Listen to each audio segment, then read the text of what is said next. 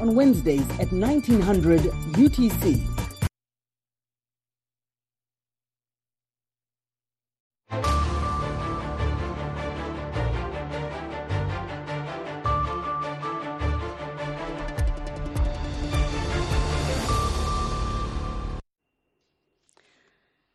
Halkani waa washington laanta afka soomaaliga idaacadda v o a oo si toosa idinkaga imaaneysa mawjadaha gaagaaban ee lix iyo tobanka iyo sagaal iyo tobanka mitrban iyo weliba boggeena v o a somaly com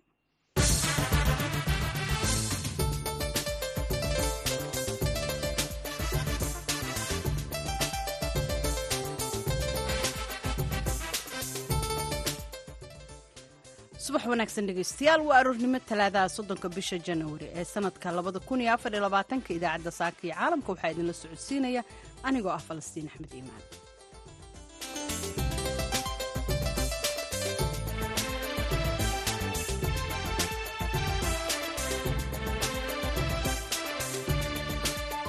Qodobada aanu idiin haynana waxaa ka mid a maxaa laga bartay ciyaarihii maamul goboleedyada ee shalay ku soo gabagaboobay magaalada muqdisho amniga iyo fikirka bulshada labadaba waxbay ka beddeleen waxay xamaasad u yeeleen oo dadka ay iloosiiyeen inay ka sii jeestaan siyaasaddii iyo buuqeeda. Aniga runtii hadday fikirkayga taladeeda ay tahay qaabka hadda loo dhigayo inaan loo dhiga inaan jeclaan lahaa oo laga dhigo qaab gobolladii sidii hore waagii hore loo ciyaari jiray waxaa kaloon idiin haynaa dad rayda oo lagu dilay deegaanka saaxo ee gobolka mudug iyo maamulka iyo waxgaradka booramo oo shir ka yeesha amniga magaalada iyo qodobo kale. Marka horese ku soo dhowaada warkii caalamka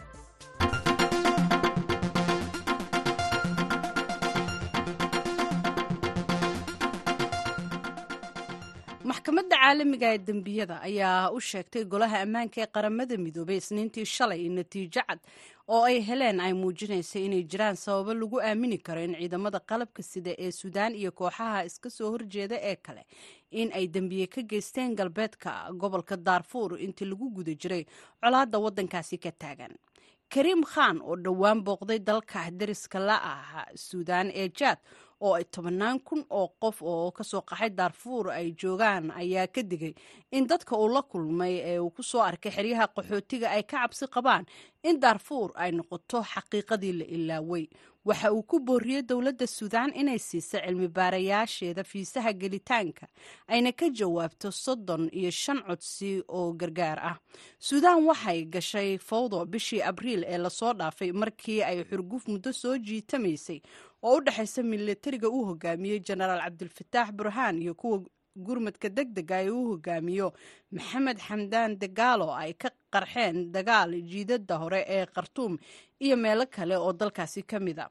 Gobolka daarfuur oo xasuuq ba'an isagu uu ka dhacay sannadkii labadii kun iyo saddexdii ayaa wuxuu ahaa xudunta colaada hadda ka taagan gobolkaasi oo ah goob ay ka dhacaan rabshado isir salka ku haya oo ay ku sugan yihiin ciidamada huwanta iyo maleeshiyaadka carbeed ee xulafada la ah qowmiyadaha afrikaanka ah. Dagaalka ayaa waxaa ku barakacay in ka badan toddoba milyan oo qof waxaana ku dhintay toban kun oo qof sida ay sheegtay qaramada midoobay.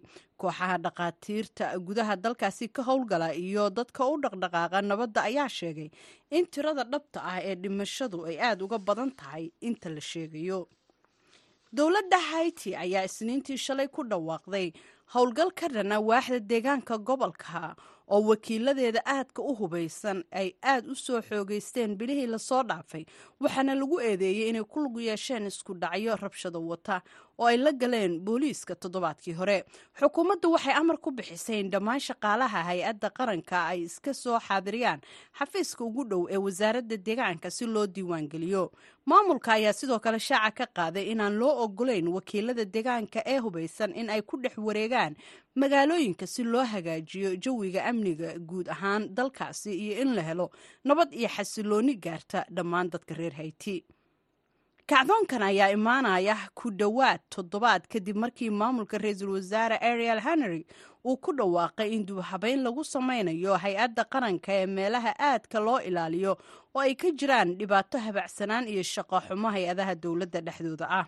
Madaxa hay'adda gental joseph ayaa shaqada laga ceeriyey iyadoo qayb ka ah dubahabeynta la sameynayo. Taasina waxay keentay in wakiilada deegaanka ee hubeysan ee gobolka hayti ee waqooyiga ay ka dhiidhiyaan go'aankaasi waxayna dalbadeen inuu ra'iisul wasaare henry iscasilo maadaama ay rasaas isna isweydaarsadeen ilaaladiisa booliiska toddobaadkii hore. Wakiiladu waxay u shaqeeyaan qayb loo yaqaano guutada amniga ee goobaha la ilaaliyo oo hoos timaada hay'adaha amniga qaranka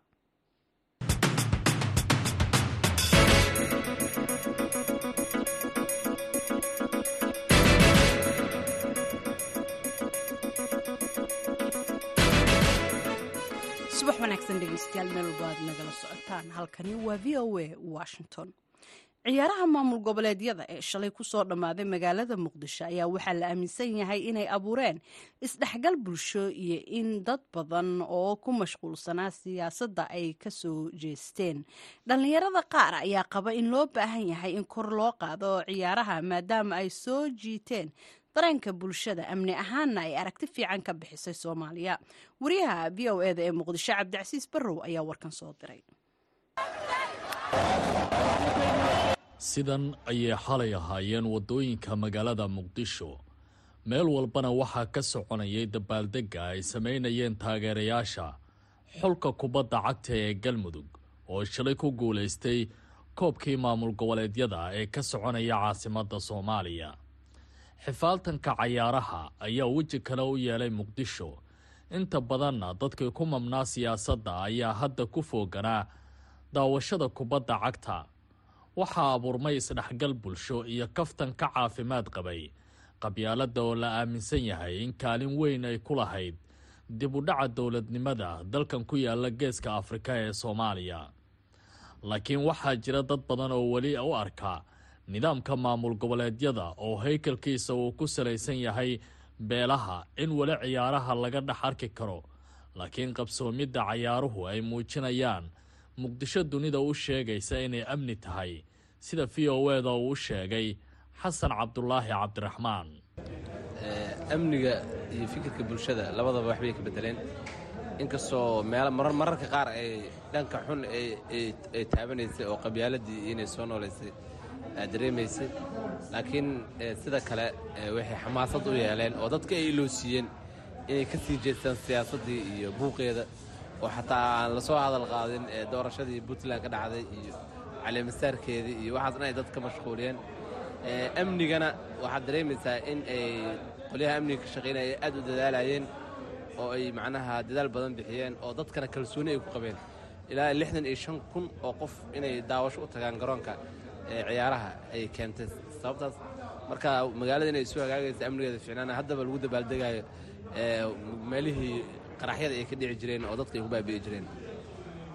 Waxaad ka mid tahay dhallinyarada muqdisho ku nool ee aqoon-yahanka. Ciyaarahan adi fikirkaada maxay ku soo kordhiyeen maxaadse ka aaminta hadda inay isbeddel ahaan ay muujinayaan?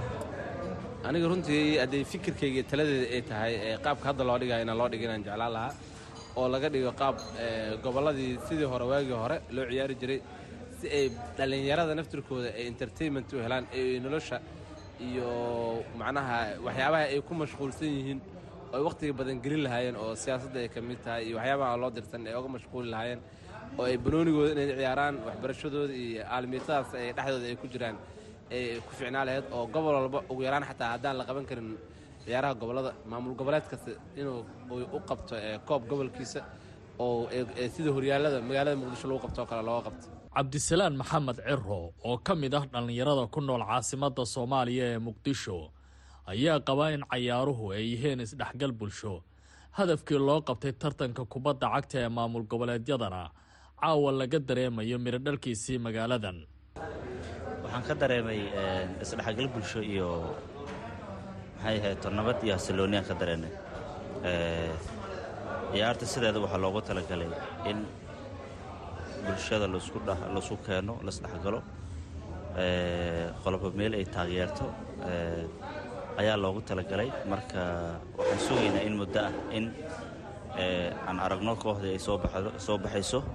Marka hadda waxaa soo baxay galmudug waanu hambalyaynaynaa waana soo dhowaynaynaa inkastoo ciyaartu bilowgii hore ee ay soo dhexgashay kala aragti duwanaansho iyo ay tabanayeen gobollada koonfur galbeed iyo iyo kuwa kale ee puntland marka hadda sidii la rabay ayay ku dhammaatay waana soo dhowaynaynaa waana ku faraxsannaa ciyaarahan haddii ay sidaan u sii socdaan maxaa isbeddelayaad islaan xagga fikirka dadka amniga dalka maxaa isbeddelaya wax badan baa isbeddelaya waxaa isbeddelaya waxaa ka mid ah aragtida sboortiska laga haysto waxaa kale isbeddelaya maxay ahayto isdhexgalkii iyo is-aaminaaddii iyo waxaa kale maaragtay waxaaba kale aan dhihi lahaa aan soo jeedin lahaa in wareegga dambe lagu soo qabto gobollada kale sidii ciyaartooyda kale ee ayaguna aan weli xamar dhaafin amaba gobolka ay ka imaadeen aysan dhaafin si ay u arkaan gobollada kale dadkuna maskaxdooda ay u korto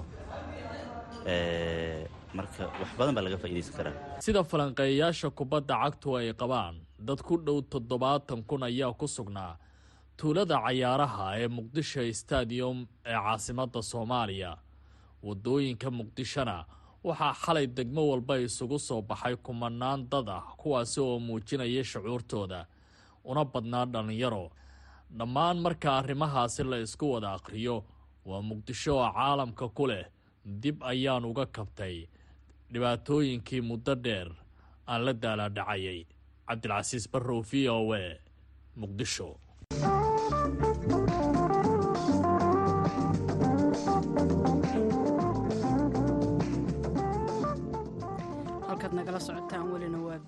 washington. Dadka rayid ah ayaa la sheegay waa dad rayida ayaa la sheegay in lagu dilay deegaanka saaxo ee gobolka mudug gudoomiyaha gobolka mudug ee maamulka puntland. Faysal sheekh cali ayaa uga waramay xaalada deegaankaasi iyo dadkaasi la dilay. Waryaheena cabdiwaaxid macalin saaq wuxuuna ugu horeyn ka waramayaa xaalada deegaanka. Waa degmada saaxawe meeshay wax ka dhaceen koox dabley ah oo ka soo talowday dhinaca galnisoor iyo xaggeeda ah baa waxay jidka u galeen dad rayid ah oo gaari saara shalayto. Marka waxa weeye gaarigiibay waxay ku fureen bursayn. Gaarigaas waxaa ku dhimatay allah naxariistee shan qof afar qof oo meeshii ku dhimatay iyo qof dhaawacii intii isbitaalka markii la geeyey asaguna go'ay shantaa qof baa ku dhimatay. Maxay la xiriirtay dhacdadan dadka lagu waxyeeleeyey ee shanta ruux ku dhimatay? Cabdiwaaxidow waxay la xiriirtay caawa allaale oo aan al-shabaab ahayn oo anugu aan ku sheegi karaa ma jiraan sabab dad ibnu sabiil ah oo waxa weeye masaafur ah dib inta loogu galo loo laayo waa dhacdooyin naadir ah oo dhaca oo inta badan aan dhicinin laakiin deegaanadaas way ku soo noqnoqotay waa markii labaad oo xuduudda gudaha puntland gudaheeda sannadkii laba kun iyo saddexdii saddex iyo labaatankii mar bay dhacday marna hadday dhacday laakiin dhowr jeer oo kale waxay ka dhacday inta udhexaysa xuduudeeda inta ka baxsan oo isla soonahaas ah inta udhexaysa gaxan dhaale iyo haddii ilahay ku raa dacdheer iyo dhabad iyo inta udhexaysa marka inahaasay ka dhacday horta waxaa la rabaa inaad faham ka qaadatid baa la rabaa horta meesha ay dhacdo. Meeshaani waa xuduud saddex geesood ah oo ay saddex geesood xuduud isugu timaado dhinaca dowlad deegaanka soomaalida etoobiya degmada galaadi baa ka soo gasha. Dhinacna degmada saaxe oo puntland ka tirsan baa ka soo gasha. Dhinacna galnisoor oo galmudug ka soo ka tirsan baa ka gasha. Meel dhinaca shana dhabad baa ka soo gasha oo galmudug ka tirsan. Marka afartaas degmo oo iskulaalaya laba degmo dowlad deegaan waxay ka tirsan yihiin galmudug degmana waxay ka tirsan tahay puntland. Degmana waxay ka tirsan tahay dowlad deegaanka. Xuduuddaas waxaa waa dhul isu dhow oo xuduudiina ay ku kulanto waxaana degan qoys baana u badan. Meesha dhacdada alaaba ay ka dhacdo horta waa intaas. Marka waa waa waxa weeye meel u baahan haddii ilaahay kuu ron yahay saddexdeedaba annagoo iskaasanayna inaan wajahno oo la nabadeeyo u baahan weeye. Gudoomiye maxaa lagu xaqiijiyey in maleeshiyada dhibta geysatay ay dhinaca galmudug ka soo tallaabeen? Meeshii baan tegay anigu waxa weeye anigu guddoomiye gobol baan ahaado laakiin meeshii baan tegay anigu meeshii shilku ka dhacay anigu waa inaan tago oo wax soo xaqiijiyo. Marka waxaan tegay meeshii waxa weeye way carareen. Meesha ay galeenna waa la yaqaanaa. Meesha ay ka soo baxeenna waa la yaqaanaa. Marka taasi wax cad weeye oo waa caddahay maamuladana waa isla xaqiijinay waa isla hadalay waa wada xiriirnay. Maamulka dhinaca galmudug waa isla xaqiijinay ayadana maxaad ka wada hadasheen markay noqoto arrintaas sidii wax looga qaban lahaa hawshaasi wax inkira oo ku jiraan ma jiraan. Waxaana ku wada hadalnay in labadeeda dhinac baanu iska kaashano sidii loo xakameyn lahaa. Waa shaqo dhibaatooyin ay ka shaqeeyaan kooxaha khawaariijta iyo shabaabtu. Waa waxa weeye arrin la rabo haddii ilahay ku deegaankaasi marra inuusan nabad noqonin oo aan salka dhulka loo dhiginin. Waa arrin mar kasta la rabo in lagu dhex noolaado meelahaas si fawda ay uga jirto oo fawdadaas loogu dhex noolaado baa la rabaa.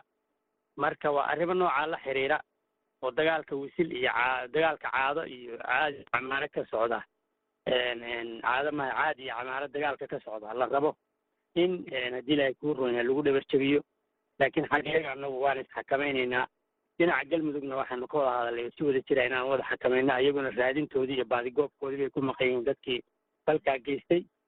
Annaguna waxaan ku baaqnay gogol saddex geesood ah oo dowlad deegaanka iyo annaga iyo galmudug inaan isugu nimaadno fadhi dadka deegaanka oo odayaasha iyo cuqaasha iyo dadka nabadda jecel iyo siyaasiyiinta iyo xildhibaanada ka kala tirsan maamulada aan soo sheegayna.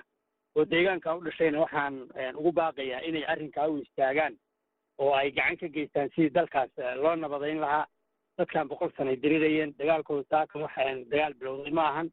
Dad waxa weeye isku riiqday weye isku baaba'ay waa wiil iyo abtigiis waa wiil iyo adeerkiis waa gabar iyo sodogeed yacni dad kala tegi karana ma ahan waa dad iswada dhalay.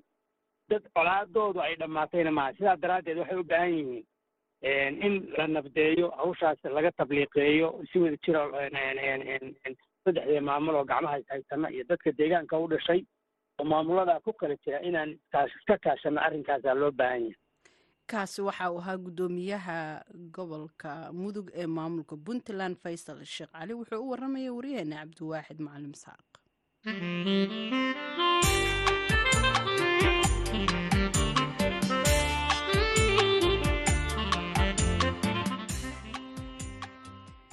Koox dhallinyara oo isugu boramana waxaa lagu soo waramayaa in maamulka iyo mas'uuliyiin ka socota iyo weliba deegaankaasi iyo odayaal dhaqameedyo ay kulan ka yeesheen sidii ay wax uga qaban lahaayeen amniga magaalada. Warbixintan waxaa inoo soo diray waryaheena haashim sheekh cumar good. Kulankan oo lagaga hadlayay adkeynta ammaanka iyo nabadgelyada gobolka iyo ka degmada boorama ayaa waxaa ku kulmay mas'uuliyiinta gobolka iyo ka degmada iyo qaybo ka mida cuqaasha dhaqanka iyo aqoon-yahanka qurbajoogga ah ee gobolka awdal. Madaxdii dhaqanka ee kulankaasi ka qayb gashay ayaa sheegay in muhiimadda nabadgelyadu u leedahay horumarka bulshada iyo in laga wada shaqeeyo sidii loo ilaalin lahaa ay tahay mid muhiima haddii haddii badan maxaa weyn la qaaday booramo dib loguma difaacayo.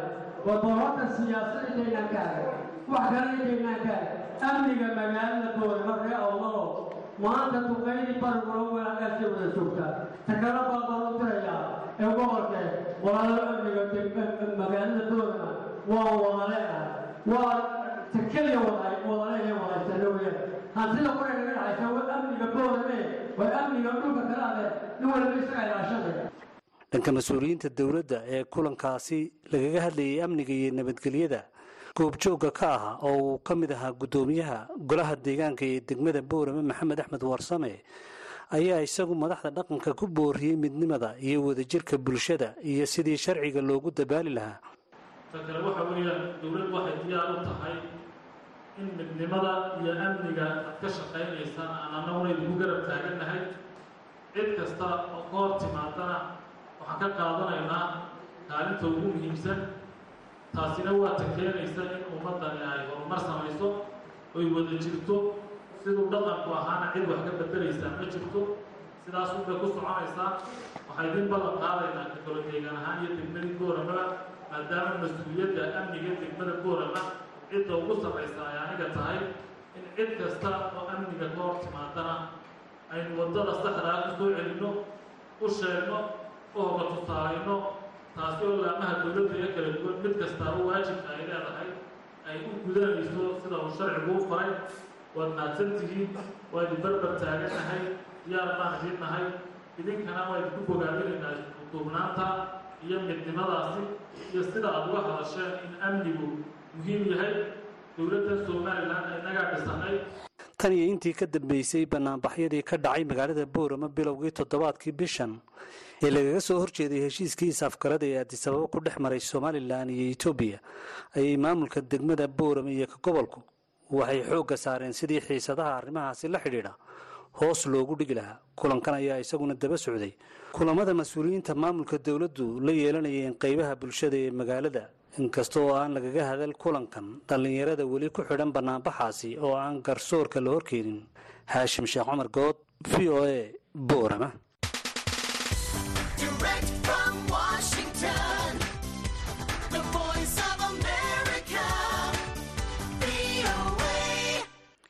colaada ka aloosan ukrain iyo qaybo ka mida bariga dhexe ayaa waxaa sii urin karaan xiisadaha cusub ee turkiga uu ku leeyahay marinka ganacsiga cusub ee isku xiri doona shiinaha iyo yurub kaasoo hadda loogu yeero dariiqa dhexe. Sida uu ku soo waramayo wariyaha v o e da istanbul dorian jones taageerada turkiga ee marinkaasi ayaa sii kordhaysa iyadoo ankara ay isbeddel weyn ku sameynayso xiriirkeedii hore ee mugdiga ku jiray ee ay la lahayd bejiin waxaana warbixintan soo jeedinaya nuux muuse barjaab xilli aysan weli muuqan calaamado muujinaya in dagaalka yukrain uu dhammaanayo ayay ankara fursad u aragtaa mashruuca dariiqa dhexe oo ah jid ganacsi oo dhinacyo badan oo sii mari doona turkiga iskuna xirayo shiinaha iyo yurub. Turkiga ayaa sidoo kale u arka fursaddan mid ka caawin karta in la hareer maro ruushka iyo cunuqabataynta ay ku soo rogeen reer galbeedka. Waxay noqon doontaa waddo beddel u noqonaysa waddada treenka loo yaqaano transsiberia ee ruushka. Marka inta aan ka ogahay fikraddan ayaa sii xoogaysanaysa sababtoo ah inta badan dalalka yurub ayaa hadda sii mara ruushka marka ay timaado badeecooyinka ay ka keenaan shiinaha ee gala yurub iyo wixii la mid a shirkii madaxda dowladaha eshiyada dhexe ee sannadkii hore ayuu madaxweynaha turkiga reseb dayib erdogan ku soo hadal qaaday marinka ganacsiga cusub ee shiinaha iyo yurub. Ee la sii dhexmarsiin doono turkiga isagoo hoosta ka xariiqay muhiimadda ay hadda dowladda turkigu ay siinayso. Qiimaha uu leeyahay hindisaha dariiqa caalamiga ah ee badeecooyinka ee transcaspian ayaa waxaa sii kordhiyey dhacdooyinka hadda taagan. Waa inaan sii wadnaa isku-dabaridka iyo hagaajinta shaqada marinkan isku mara si aan uga faa'iidaysanno dhammaanteenba. Marinka badda cas ayaa isna ah ikhtiyaar iyo isbeddel kale oo isku xiri kara ganacsiga shiinaha iyo yurub. Hase ahaatee dadka wax falanqeeya ayaa sheegaya in weerarada xuutiyiinta ee maraakiibta ee ka dhashay dagaalka israa'il iyo xamaas ay sii xoojinayaan dardargelinta mashruuca marinka dhexe islamarkaana sii kordhinayso soo jiidashada turkiga ee dariiqan ganacsi xiriirka u dhexeeya labada wadan ayaa mar walba ahaa mid marna xumaanaya marna hagaagayay laakiin marka aan maanta eegno waxaan arkaynaa in calaaqaadka u dhexeeya shiinaha iyo turkiga ay kor u sii kacayso gaar ahaan tan iyo markii uu turkiga booqday wasiirka arrimaha dibadda shiinaha wan mi ma ahan oo keliya dhiirigelin ku saabsan labada dhinac ay sidoo kale waxay dhiirigelinaysaa nidaamka gobolka iyo kan caalamiga ah xiriirka turkiga uu la leeyahay shiinaha ayaa sii daxalaysanayay wixii ka dambeeyey markii ay ankara cambaaraysay tacadiyada ka dhanka ah muslimiinta shiinaha gaar ahaan qowmiyadda laga tirada badan yahay ee uiguurka qaar badan oo dadkaasi ka mid a ayaa u soo cararay turkiga si ay u nabad galaan. Shiinaha ayaa u arka turkiga inuu yahay waddan gobolka ku yaalla oo leh khatar siyaasad sababo la xiriira arrinta dadka uiguurka laakiin dowladda turkiga ayaa dhowaan wax yar ka hor sanadka cusub shaacisay in ay doorbidayso inay xiriir wanaagsan la yeelato shiinaha halkii ay si buuxda ama si maldahanba u taageeri lahayd qadiyadda uyguurka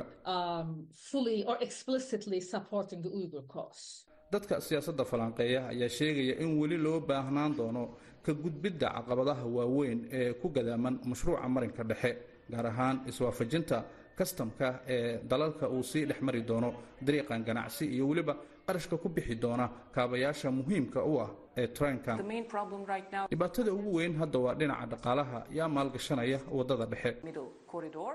Erdogon ayaa u arka in uu wax badan ka faa'iidaysan karo dadaalka uu ugu jiro inuu saameyn ku yeesho gobolka xilli uu sii xoojinayo xiriirka diblomaasiyadeed ee uu la leeyahay waddamada bartamaha asia xildheerayaasha ayaa sheegaya in haddii turkiga laga dhigo buundada dhaqaale ee isku xirta bariga iyo galbeedka ay soo dedejin doonto hanaanka dalkaasi uu ku keeni doono abaalmarin dhaqaale. Nuux muuse birjaab ayaa warbixintaasi noo soo jeedinayay wariyaheena dorian jones ayaana istanbul ka soo diray. Markana dhinacii heesa